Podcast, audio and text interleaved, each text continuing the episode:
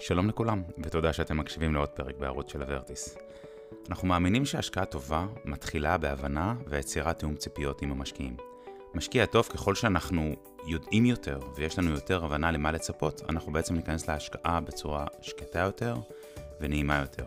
ולשם כך הערוץ הזה נולד, לתת לכם מהניסיון שלנו ולאפשר לכם להיכנס להשקעות בצורה שקטה ונכונה לכם. אז בואו נתחיל. אז אחד הדברים שהרבה שואלים, האם יש דבר כזה תשואה מובטחת? ואני אתחיל דווקא מהסוף, שכן, יש דבר כזה, אבל צריך להבין אה, מה היתרונות של זה ומה החסרונות של זה, ואם זה בכלל מתאים לכם. כי בכל דבר שקשור בעצם להשקעה, אנחנו צריכים להבין את הסיכונים, את הסיכויים, ומה אנחנו מחפשים. זאת אומרת, אם זה זמן יציאה, אם אנחנו צריכים תזרים בשוטף, או רק ביציאה אנחנו צריכים את התזרים מזומנים. מאוד חשוב להבין את כל הדברים האלה. אז בואו נתחיל דווקא מהכן.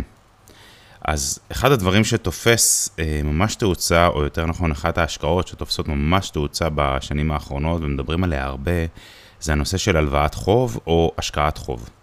בעצם, הרבה משקיעים יש להם סכום מסוים של כסף, והם רוצים להשקיע אותו, אבל אחד, הם אומרים, תשמע, אנחנו לא מבינים שום דבר בהשקעות, ואנחנו מפחדים, הרבה אנשים מאוד מאוד חוששים. ואחד הדברים שבעצם אה, נולדו זה נושא של אה, הלוואות חוב או השקעות חוב. מיד אסביר את הנושא הזה, אבל בעיקרון זה מבטיח לכם תשואה על הכסף שלכם. יש לזה יתרונות, יש לזה חסרונות. אז מה זה אומר קודם כל? זה אומר שאתם בעצם נותנים כסף לחברה שהציעה את זה, שמבקשת את זה, ובעצם הכסף הזה, אתם כמו בנק, מלווים בריבית. זה לא שוק אפור, זה הכל מסודר עם אה, חוזים, ובעצם אתם נתתם כסף. היתרון, ש... יש לכם מנגנוני הגנה במצב כזה. מה זה אומר? אתם לא מתעסקים עכשיו בהשקעה של נדל"ן, אם מחר הדייר יוצא, או מחר אה, יש בעיות בשוק או משהו כזה, אתם בעצם נתתם הלוואה כמו בנק. נתתם למישהו הלוואה, או נותן לכם בין 8 ל-10 אחוזים, אני נותן ממוצע של ריבית בשנה, אוקיי? התשלום יכול להיות רבעוני, יכול להיות חצי שנתי, יכול להיות גם פעם בשנה, תלוי מה סוגרים עם היזם, ובעצם הוא צריך לתת לכם מנגנוני הגנה. אם זה יזם כמונו שמתעסק בנושא של נדל"ן, אז בדרך כלל אנחנו ניתן שני מנגנוני הגנה, אחד זה בעצם חוזה, שאומר מה אתם מקבלים הריבית, מתי אתם מקבלים את הריבית לכסף שלכם, ומתי הנקודת יציאה שלכם, כי בדרך כלל לוקחים את זה ממוצע לשנתיים, ואילך, כי היזם צריך לעבוד בזמן הזה עם הכסף. והמנגנון השני זה שעבוד של נכס לטובת הכסף שהשקעתם.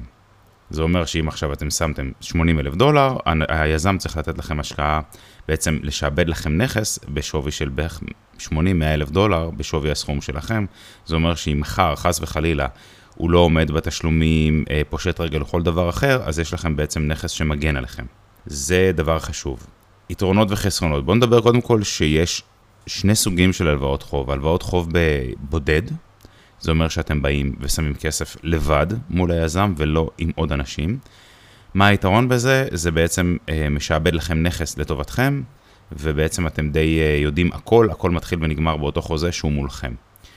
חיסרון שהסכום הוא יותר גדול, בדרך כלל מצא, יתחיל ב-70-80 אלף דולר, המינימום להלוואה ומעלה.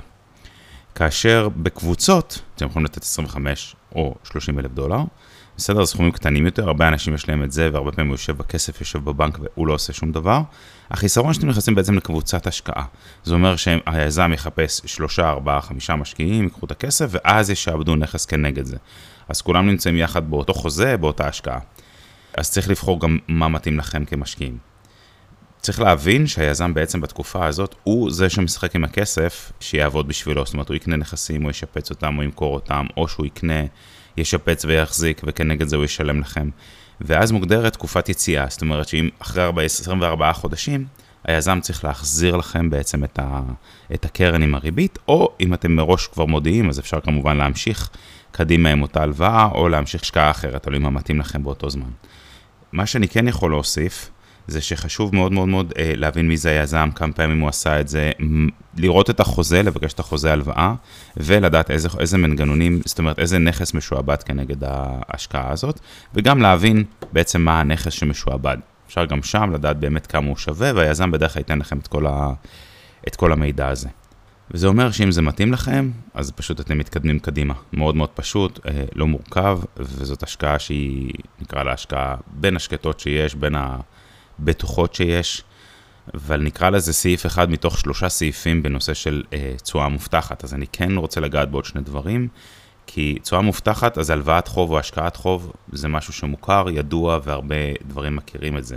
הבעיה שהמילה הזאת הרבה פעמים אה, גוררת קונוטציות שליליות, כי בעצם נפלו הרבה משקיעים בעבר הרחוק על בעצם נקרא לזה חברות שרימו אותן, ואז מה זה אומר? תשואה מובטחת בהשקעה של נדל"ן, זה משהו שצריך להדליק נורה אדומה. מה זה אומר? אם אני כיזם אגיד לכם, יש לכם עכשיו אה, נכס עם, שנכניס לכם דייר לתוך הנכס, או החברת ניהול תכניס, לא משנה, ואנחנו מבטיחים לכם אה, מינימום 8% בשנה על הכסף. עכשיו, זה אומר שאם הנכס הוא שלכם או בבעלותכם, אז גם הסיכון הוא עליכם. אם יש מינימום 8%, משהו צריך להדליק נורה אדומה, איפה הסיכון פה? אז בעצם הסיכון הוא, הוא לא קיים, או שהסיכון הוא מאוד נמוך. זה, זה, זה מתחלק לשניים.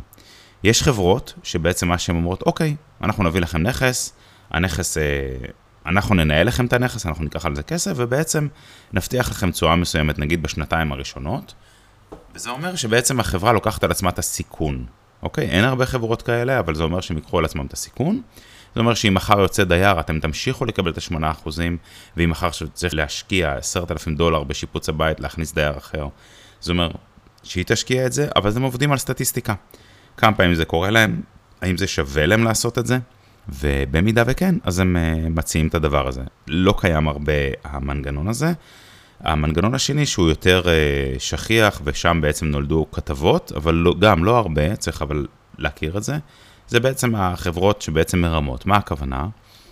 Uh, מאוד חשוב בארצות הברית שאתם קונים עסקה, זה לא כמה היזם מרוויח, אלא כמה שווה הבית אחרי שמשפצים אותו.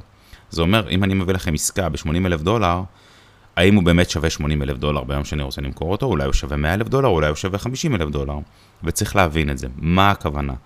אם אני כיזם מביא לכם עסקה ב-80 אלף דולר, והנכס שווה 50 אלף דולר ביום שתרצו למכור אותו אחרי שיפוץ, זה אומר שמכרתי לכם את הנכס מעל מחיר השוק. וזה אומר שאני יכול עכשיו לקחת מקדם ביטחון של 20-30 אלף דולר ולהגיד, אוקיי, אני מבטיח לכם תשואה. אבל הבעיה היא אחרת, זה ביום שאתם יוצאים מההשקעה אתם מפסידים כסף. ופה הרבה משקיעים לא תמיד מבינים, כי כל השקעה, ואמרנו את זה בעבר ונגיד את זה שוב פה, השקעה נמדדת בסופו של דבר אם היא טובה או לא טובה, רק כשיוצאים ממנה. כל השאר זאת, זה פוטנציאל, אתם יכולים להיות מאוד מאוד מרוצים לאורך כל ההשקעה, ואם מכר לכם מישהו נכס מתחת למחיר השוק, או החלטתם למכור את הנכס אה, בגלל רגשות בצורה לא נכונה והפסדתם כסף, בסוף תגידו, וואלה, לא עשיתי מספיק כסף.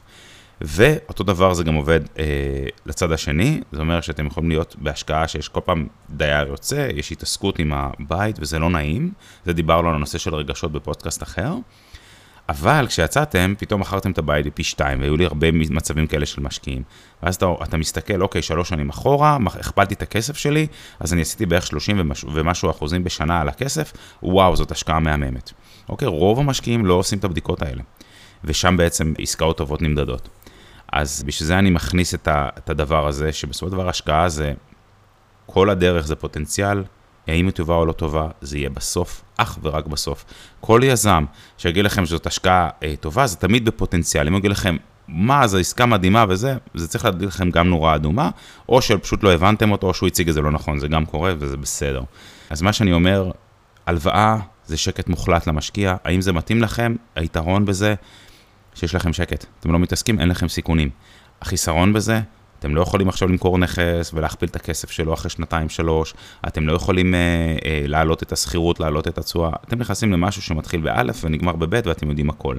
אז זה די נותן שקט, הסיכון היחידי זה במידה והיזם יש לו בעיות כלכליות, או הוא לא יכול לשלם, או שהוא מחליט, אה, לא יודע, לברוח, אני סתם אומר את זה. אז צריך להבין את זה, ואז צריך להבין שאמרנו זה מחולק לקבוצה או להשקעה בודדת. דבר שני, זה חברה שמציעה לכם השקעה בנכס מניב. עם תשואה מובטחת והיא לוקחת את הסיכון עליה, בדרך כלל זה לא קיים, אוקיי? יהיה מנגנון אחר שהם בעצם מבטיחים לעצמם עוד דברים. ודבר שלישי זה בעצם שהחברה מוכרת לכם נכס הרבה הרבה הרבה מעל מחיר השוק. בסופו של דבר מה שחשוב זה להתייחס לכמה שווה נכס. ופה גם דיברנו על הנושא הזה, כי הרבה משקיעים נכנסים פשוט לאינטרנט, ובאינטרנט אתה לא תוכל לדעת כמה שווה נכס. חשוב להשתמש ב-CMA, חשוב להשתמש בצוותים המקומיים, תמיד תמיד אה, יהיה פה נושא של אמון. איך רוצים את זה? זמן, המלצות, אה, גם דיברנו על הנושא הזה. אז אני מקווה שזה עזר לכם, אנחנו מאוד אוהבים את הנושא הזה של הלוואות, השקעות חוב, זה נותן לנו שקט ולמשקיעים שקט, אבל כמובן שיש לנו עוד אלטרנטיבות, אז תמיד נשמח אה, לתת לכם עוד אה, ידע ומידע, ואנחנו פה תמיד לכל שאלה.